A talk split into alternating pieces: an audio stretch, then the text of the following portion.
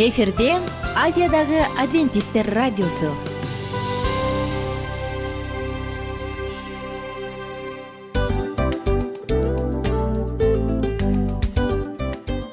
Достор салют. Баардык сүйүктүү угармандарыбызга салам айтабыз. Кутман күнүңүздөр менен.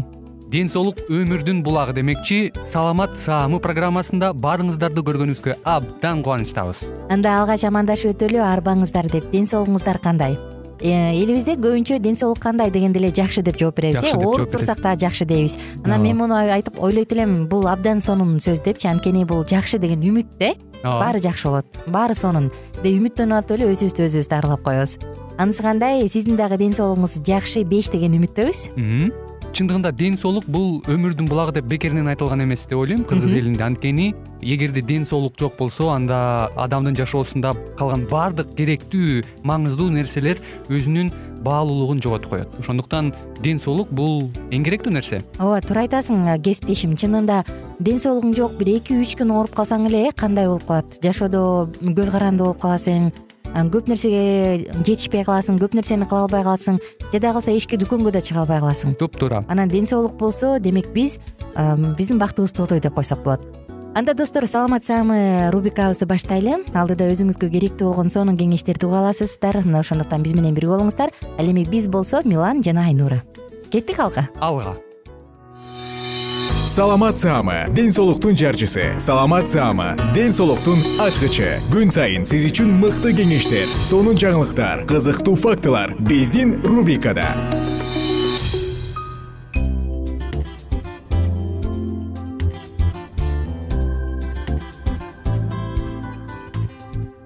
кутман күнүңүздөр менен достор. Жалпы биздин сүйүктүү угармандарыбызга кадырлуу замандаштарыбызга салам айтабыз. Дагы биз бүгүнкү темабызды тааныштыралы. Бүгүнкү тема арка бел жөнүндө сөз кылабыз. Ооба бел. Жана бул саламат саамы ар бир угарманыбыздын ден соолугуна кам көрүп ар бириңиздерди сүйүп ар бириңиздер үчүн күйүп биз кызматыбызды баштадык. Белиңиз ооруган жокпу? Негизи эле бир учурда белиңиз ооруду беле ооба достор бел негизи биз көбүнчө маани бербегенибиз менен өтө эле керектүү органдардын бири э? Макул болот болушуңуз керек. Анткени белдин жардамы менен биз басып жүрөбүз кыймылдай алабыз иштей алабыз айтор кызыктын баарын жасай алабыз. Эгерде дал ушул белде бир аз оор оору кыйынчылык боло турган болсо демек ага көңүл бурууга учур келди. Жалпы эле бел жөнүндө бүгүн бир аз сөз кылып беребиз жана албетте ага туура кам көрүү жөнүндө дагы сөз кылабыз бел бул адамдын омуртка белине омурткасына жакын жата турган жата десем туура болот го дейм э жабышкан эмес. Жабышып жата турган эң эле дененин бир бөлүгү керектүү болгон бөлүгү. Же организмдин негизги осю негизги борбору. Анын жардамы менен бизде биз баса алабыз тура алабыз отура алабыз айтор көп кыймылдарды жасай алабыз. Жана албетте анын өйдө жагы моюн менен бүтөт ылдый жагы болсо куймулчак менен бүтөт. Мунун баарын биз билебиз. Эми достор адам жерде жашап жүргөн соң биз дайыма эле сүзбөйбүз сууда. Биз түз басып жүрөбүз. Демек адамдын ушул скелеттик мускулатурасы абдан жакшы өөрчүшү керек. Ушунча салмакты түп түз бойдон кармап жүргөн бул биздин белибиз. Бул булчуң корсети деп да коюшат эмеспи. Бул демек бизге абдан керектүү бир орган же керектүү бөлүк десем туура болот го дейм андан ары сөз кылсак достор сиздин белиңиз оорубаса анда бактылуу адамсыз. Эгерде сизде оору бар боло турган болсо анда демек сөзсүз түрдө бел оору эмне экенин даамын татып калгансыз. Адамдын белинин булчуңунун абалынан биздин осанкабыз же арка белибизди түз кармаганыбыз жана омуртканын илчээктиги ийкемдүүлүгү көз каранды. Канчалык биздин белибиз жакшы болсо саламаттыгы чың болсо демек биз ошончолук жакшы кыймылдай алабыз жана ошончолук көбүрөөк баса алабыз эми достор андан ары сөз кылсак. Эгерде биз кадимки эле туура осанка жөнүндө туура бел жөнүндө арка бел жөнүндө сөз кыла турган болсок ал эмне себептен кыйшайып калат? Кээ бир адамдарды карасаң түз турганда деле басып баратканда деле бүкүрөйүп турат э? Бул туура эмес жашоо образы. Мындай адамдар көбүнчө э, физикалык эмгек менен кыймылдап жүргөндө белдерине көп э, нааразы болушпайт же нааразычылыгын айтышпайт алардын көпчүлүгүндө эгерде мындай бүкүрөйүп турган болсо демек сөзсүз түрдө белинде көйгөй бар. Кандай гана жумушта иштебесин кайсы гана жерде болбосун бирок анда демек көйгөйлөр бар. Дагы башкача айта турган болсок эгерде сиз күнүнө спорт залга барсаңыз машыксаңыз жума сайын же кандайдыр бир спорттун түрү менен дайыма машыга турган болсоңуз бирок ошол эле учурда компьютердин алдында бүкүрөйүп алып отурсаңыз анда баары бир сиздин белиңиз бир учурда бүкүрөйүп калуу коркунучунда көпчүлүгүбүз уксак керек э? Булчуңдардын дагы эс тутуму бар депчи булчуң эстеп калат деп. Жок тескерисинче булчуң эмес бул биздин мээбиз эстеп калат. Э, мээбиз кайсы жакка кандай программа бериш керек кандай абалда болуш керек булардын баардыгы жоопкерчиликтүү рефлекстердин жардамы менен эстеп калат дагы анан бел бүкүрөйүп жүрсө өзүн нормалдуу сезип калат түз жүрсө өзүн ыңгайсыз сезип калат. Бул демек мээнин берген рефлекси же маалыматы. Ошондуктан өзүңүздүн арка боюңузду дайыма түз кармап машыгып мунун үстүнөн иштеп жүрсөңүз мээ дагы ошону эстеп калат. Түз жүр ийниңди түздө дейт э бир уктуруубузда эсиңизде болсо керек айтканбыз. Адамдын артка э, бул ушул белин өзүнүн боюн түз кармап жүрүү бул э, кыздарга өзгөчө татынакай көкүрөктүү болгонго жардам берет деп э? Бул дагы чындыгында чоң э, артыкчылыктардын бири. Эми эмне себептен биздин осанкабыз же өзүбүздүн боюбузду кармообуз бузулуп калат? Бул туура эмес отуруп алып иштегенде ашыкча оор физикалык жүк келтиргенде жана туура эмес ушул келтирилген жүктү бөлгөндө. Андан тышкары биздин осанкабызды туура эмес бут кийим дагы бузат. Бул өтө бийик э, каблук така же ичке э, ылайыксыз болгон бут кийим. Андан тышкары сумка дайыма бир ийнибизге асып көтөрүп жүрсөк ранце рюкзак булардын баардыгы тең өтө оор боло турган болсо бүкүрөйөбүз э. Өзгөчө кичинекей байкуш окуучуларды карасаң бооруң ооруйт го жана ошондой эле туура эмес тандалган матрас жаздык. Мында дагы адамдын моюн жагы көбүрөөк жабыркагандыктан акырындык менен бүкүрөйүп калууга алып келет. Эми достор андан ары сөз кылалы. Психологиялык адамдын көптөгөн себептери дагы биздин бүкүрөйүшүбүзгө алып келет. Эгерде бир учурда травма алган болсо денеси коркуп калган болсо анда өзүн коргонуу иретинде ал дайыма мынтип бүкүрөйүп бир нерсени алдын алып ооруп калбайын оорутуп албайын дейт эмеспи. Бул нерседен абайлаңыз өзгөчө кичинекей балдар травма алып калгандан сактанса экен. Жана спортсмендер ашыкча салмактуу адамдар дагы көбүнчө бүкүрөйүп калуу коркунучунун алдында. Жана ошондой эле нервтердин кыпчылып калышы деп коет эмеспизби защемление деп э кайсы бир жерде омурткалардын арасындагы арасында нерв кыпчылып кала турган болсо невралгияга адам туштугуп калса демек бул дагы бүкүрөйүп калуунун бирден бир себеби. Эмне демекчибиз бул темага дагы кандай кошумча айтабыз? Достор негизи статистика боюнча адамдардын сексен пайызы жок дегенде өмүрүндө бир жолу бел оорусуна даттанышкан. Алардын жыйырма пайызы үч айдан ашык убакыт бел оорусу менен жашап келет. Чыдап э? Мындайча айтканда эптеп чыдап жүрөм дегендей чыдап жүрөт ал эми көпчүлүк адамдардын жыйырмадан элүү жашка чейинки учуру эң эле көп ушул бел ооруларына нааразы болуп өздөрүнүн нааразычылыгын айтышат экен. Бул кандай курак? Жыйырмадан элүүгө чейин демек бул ишке жөндөмдүү эң эле ишке жарамдуу учур эмне дейбиз достор? Биздин жашообуз өзү мектеп. Бул мектепте туура жашап туура үйрөнүп туура өтүшүбүз керек. Демек бул дагы биздин белибизге туура кам көрүүгө жардам берет белиңиз ооруп жатса эгерде сиз дайыма отуруп иштесеңиз бир аз турникке асынып коюңуз кыймылдаңыз. Анан белге зыяндуу болуп мисалы жүз сексен градус ары бурулуп ушул сыяктуу көнүгүүлөрдү жасабаңыз анткени биздин дисктер ага ылайыкташылган эмес. Ошондуктан өзүңүздүн ден соолугуңузга кам көрүңүз көп отура турган болсоңуз басыңыз дисктердин ортосу бир аз чоюлуп кан өтө тургандай кылып көнүгүүлөрдү жасаңыз. Албетте бүгүнкү күндө интернет абдан жеткиликтүү. Бул нерсе сизге жеткиликтүү деп ишенем а мен болсо жалпыңыздар менен убактылуу гана коштошом. Кайрадан амандашканча сак саламатта туруңуздар бар болуңуздар жана эң эле бай болуңуздар ден соолукка бай адамдардан болуңуздар.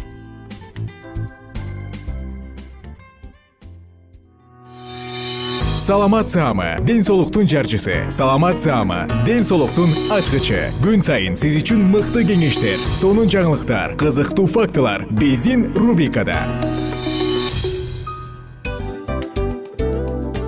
замандаштар? Баарыңыздарга ысык салам.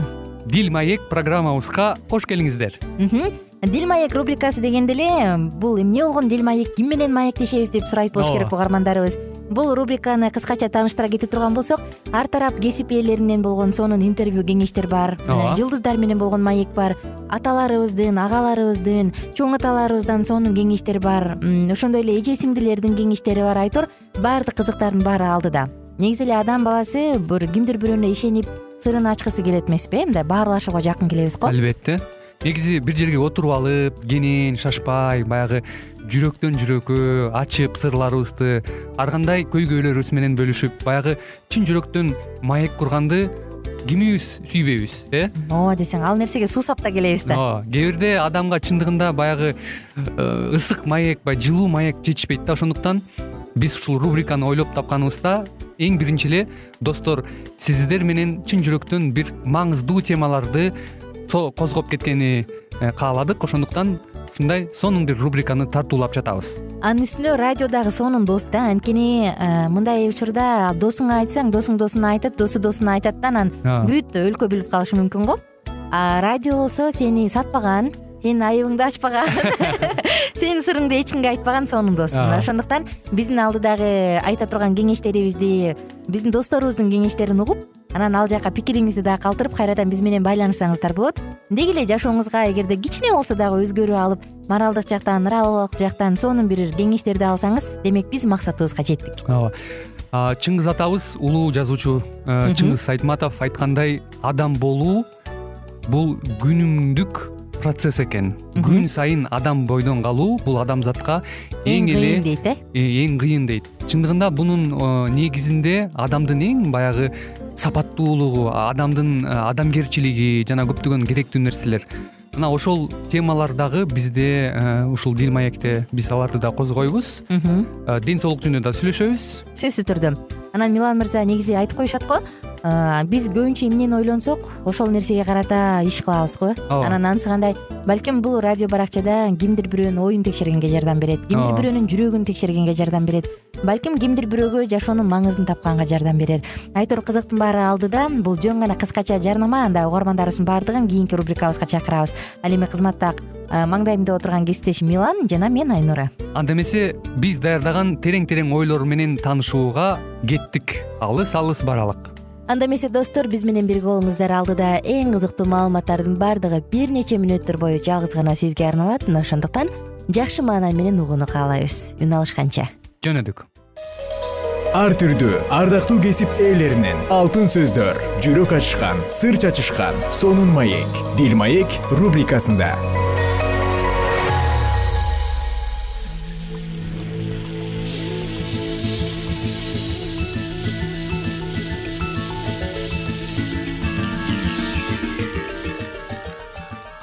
кутмандуу күнүңүздөр менен кадырман радио угуучуларыбыз кайрадан эле сиздер менен биргеликте бактылуу никенин баалуу эрежелери аттуу уктуруубузда кездешип жатканыбызга өтө кубанычтамын. Бүгүнкү программабыздын чыгарылышында кадырман радио угармандар биз э, жашоодо деги эле бала тарбиялоодо үй бүлө жаатында эрке балдарыбызды кантип туура тарбиялашыбыз керек. Ушул туурасында бүгүнкү темада сөз кылабыз. Андыктан сиздер болсо дал ушул мүнөттөрдө биздин ободон алыстабай биз менен биргеликте болуңуздар. Кызматыңыздарда микрофондо кайрадан эле мен улан кубанычбеков жана ошондой эле бүгүнкү биздин студиябыздын коногу. Өзгөчө мейман э, десем жаңылышпайм. Себеп дегенде беш баланы татыктуу тарбиялап э, тажрыйбасы мол э, инсанды атайын маектешүүгө студиябызга конок катары чакырганбыз. Анда эмесе дал ушул инсан менен сиздерди тааныштырып өтсөм. Бүгүнкү биздин студиябыздын коногу э, абылгазиев улан мырза кайрадан студиябызда конокто. Саламатсызбы улан мырза? Студиябызга кош келипсиз. Саламатчылык чоң рахмат. Бүгүнкү темабыз э, негизи эле үй бүлөлүк жашоодо бала тарбиялоодо биз эрке балдарды кантип өтө эркелетпей баягы жашоонун угу менен туура татыктуу тарбия бергенге ар бир эле ата эне менимче аракет кылат болуш керек да. Ошондуктан биз эрке балдарды баягы туура жолго салууда кандай алгачкы кадамдарды кылып анан тарбиялашыбыз керек. Ушул туурасында өзүңүздүн ойлоруңуз менен бөлүшүп берсеңиз. Чоң рахмат. Бул жакшы тема экен. Бул негизи эле ошо мен бала тарбиялоо боюнча өзүбүз келинчегим экөөбүз көп иш жүзүндө бала тарбиялап келатабыз анан бул негизи эле ушу тема боюнча эрке баланы кантип тарбиялаш керек? деген. Аябай бул орчундуу тема. Бүгүнкү күндө көйгөйлөрдүн кандайдыр бир көйгөйлөрдүн бири деп дагы айтсам болот. Анткени бул эрке бала эрке болуп калса кийин келечеги кандай болот деген бир жакшы суроолор бар. Андан дагы анан негизи эле бул негизи тактап алыш керек да. Эрке баланы кантип тарбиялаш керек деген суроодо. Ошону ушундай суроо бергенде сразу эле түшүнүп калбаш керек. Э, сразу эле анда эмне баланы эркелетпеш керекпи? деген дагы бир карама каршы суроо келип чыгат. Ооба сөзсүз түрдө? Бул боюнча баланы ооба эркелетиш керек. Мисалы үчүн менин алты балам бар. Ошо балдарымды ар биринин характери ар башка мүнөздөрү ар башка окшошпойт бири бирине бирок ар бир балага өзүнчө бир мээримиңди төгүп аталык. Анан эркелетип кучактап мен сени жакшы көрөм мен сени сүйөм мен сени менен сыймыктанам деген жакшы сөздөрдү айтып эркелетип кучактап мындай жүрөгүңө кысып аны жакшы көргөнүңдү ушундай бир эркелетип башынан сылап тарбиялаш керек да. Туура тарбиялаш үчүнчү. Бирок эрке кылып өтө эле эрке кылып ошенте берсең экинчи жаман жагы бар көйгөй болуп калат. Бул нерсе мени атам же энем жакшы көрөт турбайбы. Ар дайым мени ушинтип эркелетишет деп өзүн баягы самооценка деп коет го өзүн аябай өйдө эме кылып анан эркелеп эмне кааласа сурап бала деген аябай тамырчы болот. Атасын дагы энесин дагы тез эле баягы кандай кылса кандай отношение кылып кандай мамиле кылыш керек ошону сразу эле көзтөн карап эле балдар билип алышат. Анткени булар аябай чебер болот. Кичинекей балдар негизи эле ошо баланы мен айтмакчымын үч жашка чейинки убакытка чейин баланы туура тарбиялап калыш керек деп кеңеш берет элем да. Анткени эмнеге дегенде андан кийин уже тарбиялаш кичине оорураак болуп калат. Анткени баягы бала үч жашка чейин калыптануу учуру аябай мындай оңоюраак болот. Биз баланы убагында тарбиялап калгангачы бала канчалык чоңойгон сайын жаш өткөн сайын анан баланы кайра баягы баштапкы мукка салып тарбиялайм мен оңдойм деш. Бир аз кыйыныраак болуп калат да. Жашоодочу ошон үчүн кичекейинде төрөлгөндөн баштап жада калса энесинин курсагында жүргөндөн баштап жаралып аккандан баштап эле энеси курсагынан аны менен сүйлөшүп тарбиялап жакшы сөздөрдү айтып мен сени жакшы көрөм сүйөм деп ал жөнүндө бир жакшы нерселерди айтып бере берген жакшы да. Анан төрөлгөндөн кийин анан жакшы тосуп алып э, аны менен биз сыймыктанып аны бир кандайдыр бир эмеге коет эмеспизби жашообуздачы. Бирок эрке баланы тарбиялаганда сөзсүз түрдө биз э, семьябызда үй бүлөбүздө ушундай бир өзгөчөлүктөр бар тарбиялоо боюнча. Ооба балдарыбыз аябай эркелеп кетет кээ бир учурда. Бирок аларды туура нукка салып э, туура тарбиялаш үчүн мен ыйык китепти окуп ошо ыйык китептен көбүрөөк э, баланы тарбиялоо жөнүндө иш жүзүндө эмелерди алдым. Ошо бала тарбиялоо боюнчачы. Анан тарбиялап атканда бул жерде баланы тарбиялаганда сөзсүз түрдө биз э, эркелеткенде колубуз менен башынан сылап эркелетебиз мен сени жакшы көрөм деп. Ошол эле убакта кайра ошол эле колубуз менен эгер баланы кайра чаап тарбияласак өзүбүздүн колубуз менен бул туура эмес болуп калат. Ошон үчүн биз э, ошо ыйык китептен алган үлгү боюнча эреже боюнча бир тажрыйба боюнча айткым келет. Аяктан ушу ыйык китепте ушу сулаймандын акыл сөздөрүндөн ушундай бар да ыйык китепти окусак сөзсүз түрдө баланы атасы баласын жакшы көрсө жазалаш керек дейт да. Анткени бул жаман көргөндөн жазалабайт баласын жакшы көрүп жакшы бала болсун деп. Ошон үчүн андан таякты аябайт дейт да. Ошон үчүн бир чыбык алып келип алып бир кичкерээк бир чыбык алып келип алып анан ошо чыбык менен могу туура эмесиңди ага чейин бир эки үч жолу эскертебиз анан болбосо анан чыбык менен сөзсүз түрдө жазалаганга туура келет да. Анан канчалык ошо туура тарбия берип чыбык менен убагында чаап жазалап жетишип калсак балабыз мен ойлойм чоңойгон учурда кийин рахматын айтат анткени. Ушундай татыктуу тарбияда чоңойгонуна ыраазы болот да. Бирок ошо кичинекей учурда чыбык менен тарбиялап каласың өзүнүн убагында. Үч жашка чейин деп айтып кетпедимби башында. Анан кийин жаш өткөн сайын чоңойгон сайын чыбык менен чаап тарбиялай тарбиялап чыбык менен тарбиялай албайсың. Сөзсүз түрдө сөз менен э, опыт менен эреже менен тажрыйба менен аны тарбиялап баштайсың да. Ошон үчүн эрке баланы убагында тартипке салып чыбык менен жазалап туура тартипке салып койгон өтө маанилүү эң сонун э, чындап эле мына ушундай ыкмаларды колдонуу аркылуу дагы урматтуу ата энелер сиздер дагы бүгүнкү күндө жашооңуздарда бала тарбиялоо жаатында ушул бүгүнкү биздин талкуу маекти эгерде сиз тыңдап жаткан болсоңуз сөзсүз түрдө жашооңузда э, кандайдыр бир деңгээлде тажрыйба катары э, албетте ар бир ата эне колдонот деген үмүттөбүз. Жогоруда айтылгандай эле ушундай ыкмаларды колдонуу аркылуу сөзсүз түрдө коомго татыктуу инсандарды тарбиялап чыгара берели деген тилегибизди билдирүү менен Э, программабыздын көшөгөсүн жапмакчыбыз. Бүгүнкү программабыздын чыгарылышында э, биздин бир нече суроолорубузга жооп берип өткөн э, биздин алты баланын тажрыйбалуу атасы абылгазиев улан мырза сиздердин айрым бир суроолорубузга жооп берип өттү. Угармандар уктуруубузга назар салганыңыз үчүн ыраазычылык билгизебиз. Кайрадан эле биз сиздер менен эмки ободон кезишкенче аман туруңуздар ар түрдүү ардактуу кесип ээлеринен. Алтын сөздөр жүрөк ачышкан сыр чачышкан сонун маек. Дил маек рубрикасында. Жан дүйнөңдү байыткан жүрөгүңдү азыктанткан жашооңо маңыз тартуулаган жан азык рубрикасы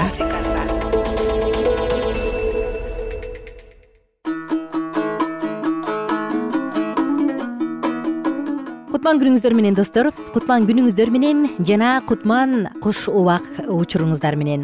Жалпыңыздар менен амандашып жан азык рубрикасын баштадык. Жана бүгүн сиздер менен мурунку уктурууда убада кылгандай жаңы китепти баштамакчыбыз. Бул сулаймандын накыл сөздөрү анда эмесе алдыда эң сонун акылман жашооңузга жарыгын чача турган сонун сөздөрү окулат. Биз менен бирге болуп жакшы тыңдаңыз.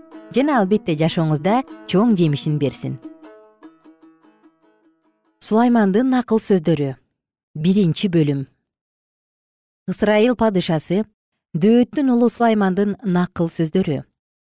Бул сөздөр акылмандыкка жетиш үчүн акыл насаатты угуш үчүн накыл кептерди түшүнүш үчүн эстүүлүктүн адилеттүүлүктүн соттун чындыктын эрежелерин өздөштүрүш үчүн жөнөкөйлөргө зээндүүлүк жаш жигитке билим жана эстүүлүк бериш үчүн жазылган.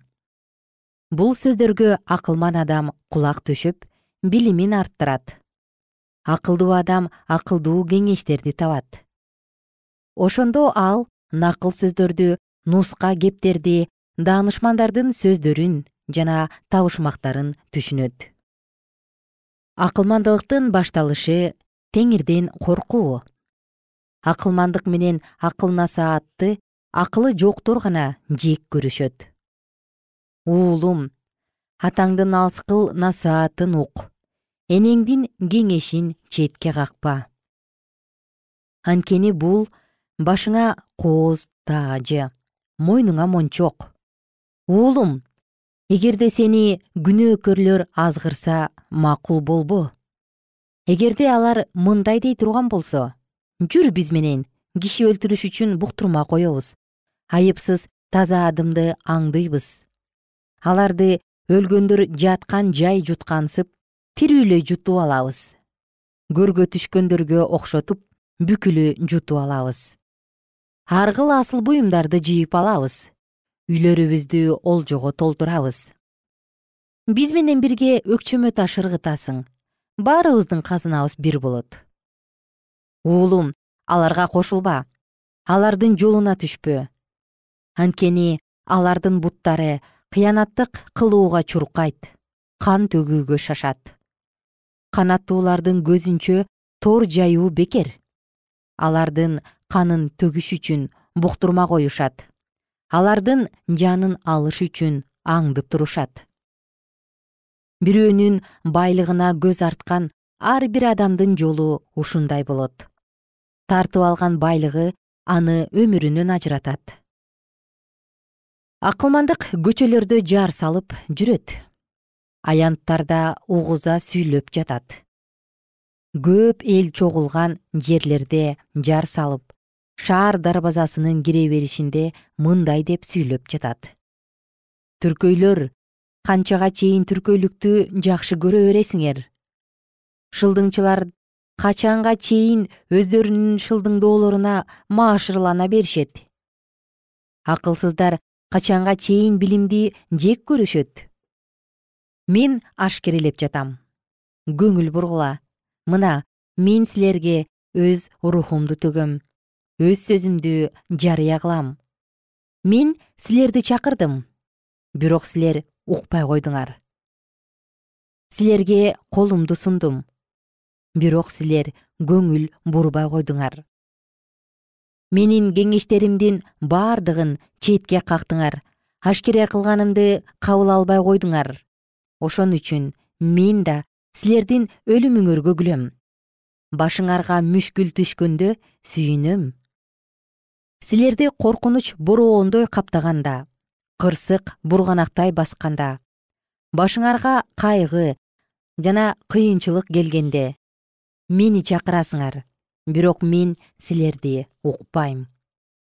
Мени таң заардан издейсиңер бирок таппайсыңар.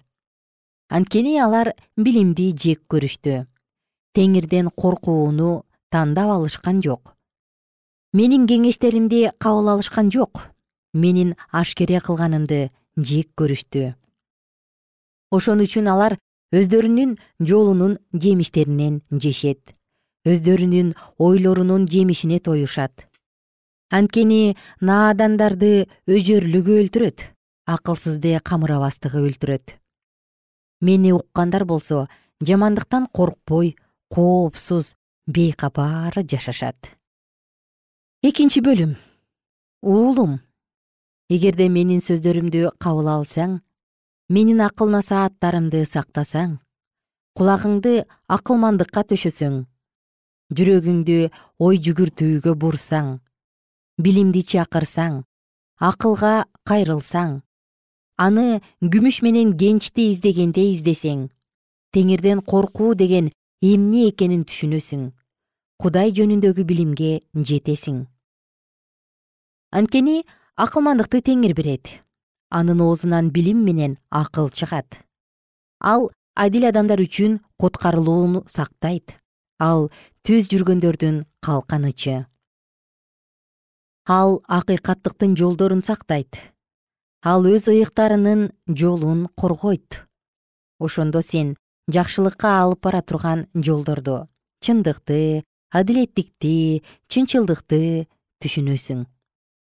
Акылмандык жүрөгүңө киргенде билим жаныңа жакканда сени эстүүлүк жактап жүрөт акыл кайтарып жүрөт жаман жолдон жалган айткан адамдан сактайт. Караңгылыктын жолунда жүрүш үчүн түз жолду таштагандардан жамандык жасап кубангандардан бузукулук кылып жыргагандардан жаман жолдо бара жаткандардан адашып жүргөндөрдөн башка бирөөнүн аялынан жылуу сүйлөгөн бөтөн аялдан сактайт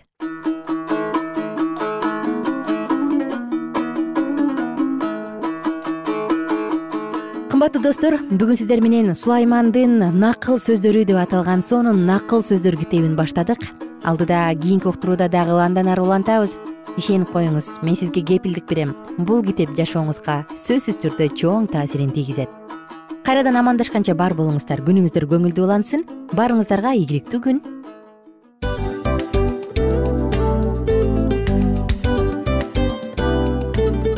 достор биздин радио баракчаларыбыз соңуна келди. Демек бул программабызды дагы жыйынтыктачу учур келдик. Учурга келдик. Анан кесиптешимден сурагым келип турат. Негизи эле иштин башталып атканы кубандырабы сени же жыйынтыгы кубандырабы? Албетте жыйынтыгы. Себеп дегенде сен кылган ишиңдин жыйынтыгын көрүп э, баягы мөмөсүн көрүп дегендей жыргайсың жүрөгүң жемишинен тартып э кандай даамдуу деп. Баягы буудай сепкенде эмес буудай эгинди жыйнагандан кийин ысык нанды жегенде кадимкидей ырахаттанасың го. Ой айтпа туура айта кеттиңиз. Сонун салыштыруу болду анан мен дагы абдан кубанып турам анткени биз угармандарыбыз үчүн аябай эмгектенип келген уктуруубуздун соңуна келип калдык. Анан эми э, уктуруубуздун соңунда угармандар кандай пайда алып калды экен деп күтүп турам да. Балким э, менин жашоомо өзгөрүү киргизе турган сонун сөздөр болду. Мен ушул нерсени изилдеп анан кабыл албасам ушул нерсени кылбасам деген чечим чыгарсаңыз анда биз абдан кубанычтабыз. Сөзсүз түрдө. Андыктан кийинки биздин кызыктуу уктурууларыбыздан көрүшкөнчө сак саламатта калыңыздар. Чыдамсыздык менен сиздерди мен милан жана кесиптешим айнура күтөбүз. Баардык угармандарыбызга ийгиликтүү күн каалайбыз. Качан гана болбосун уртуңуздан жылмаюу кетпесин үйүңүздө көмүр жүрөгүңүздө көңүл болсун дейли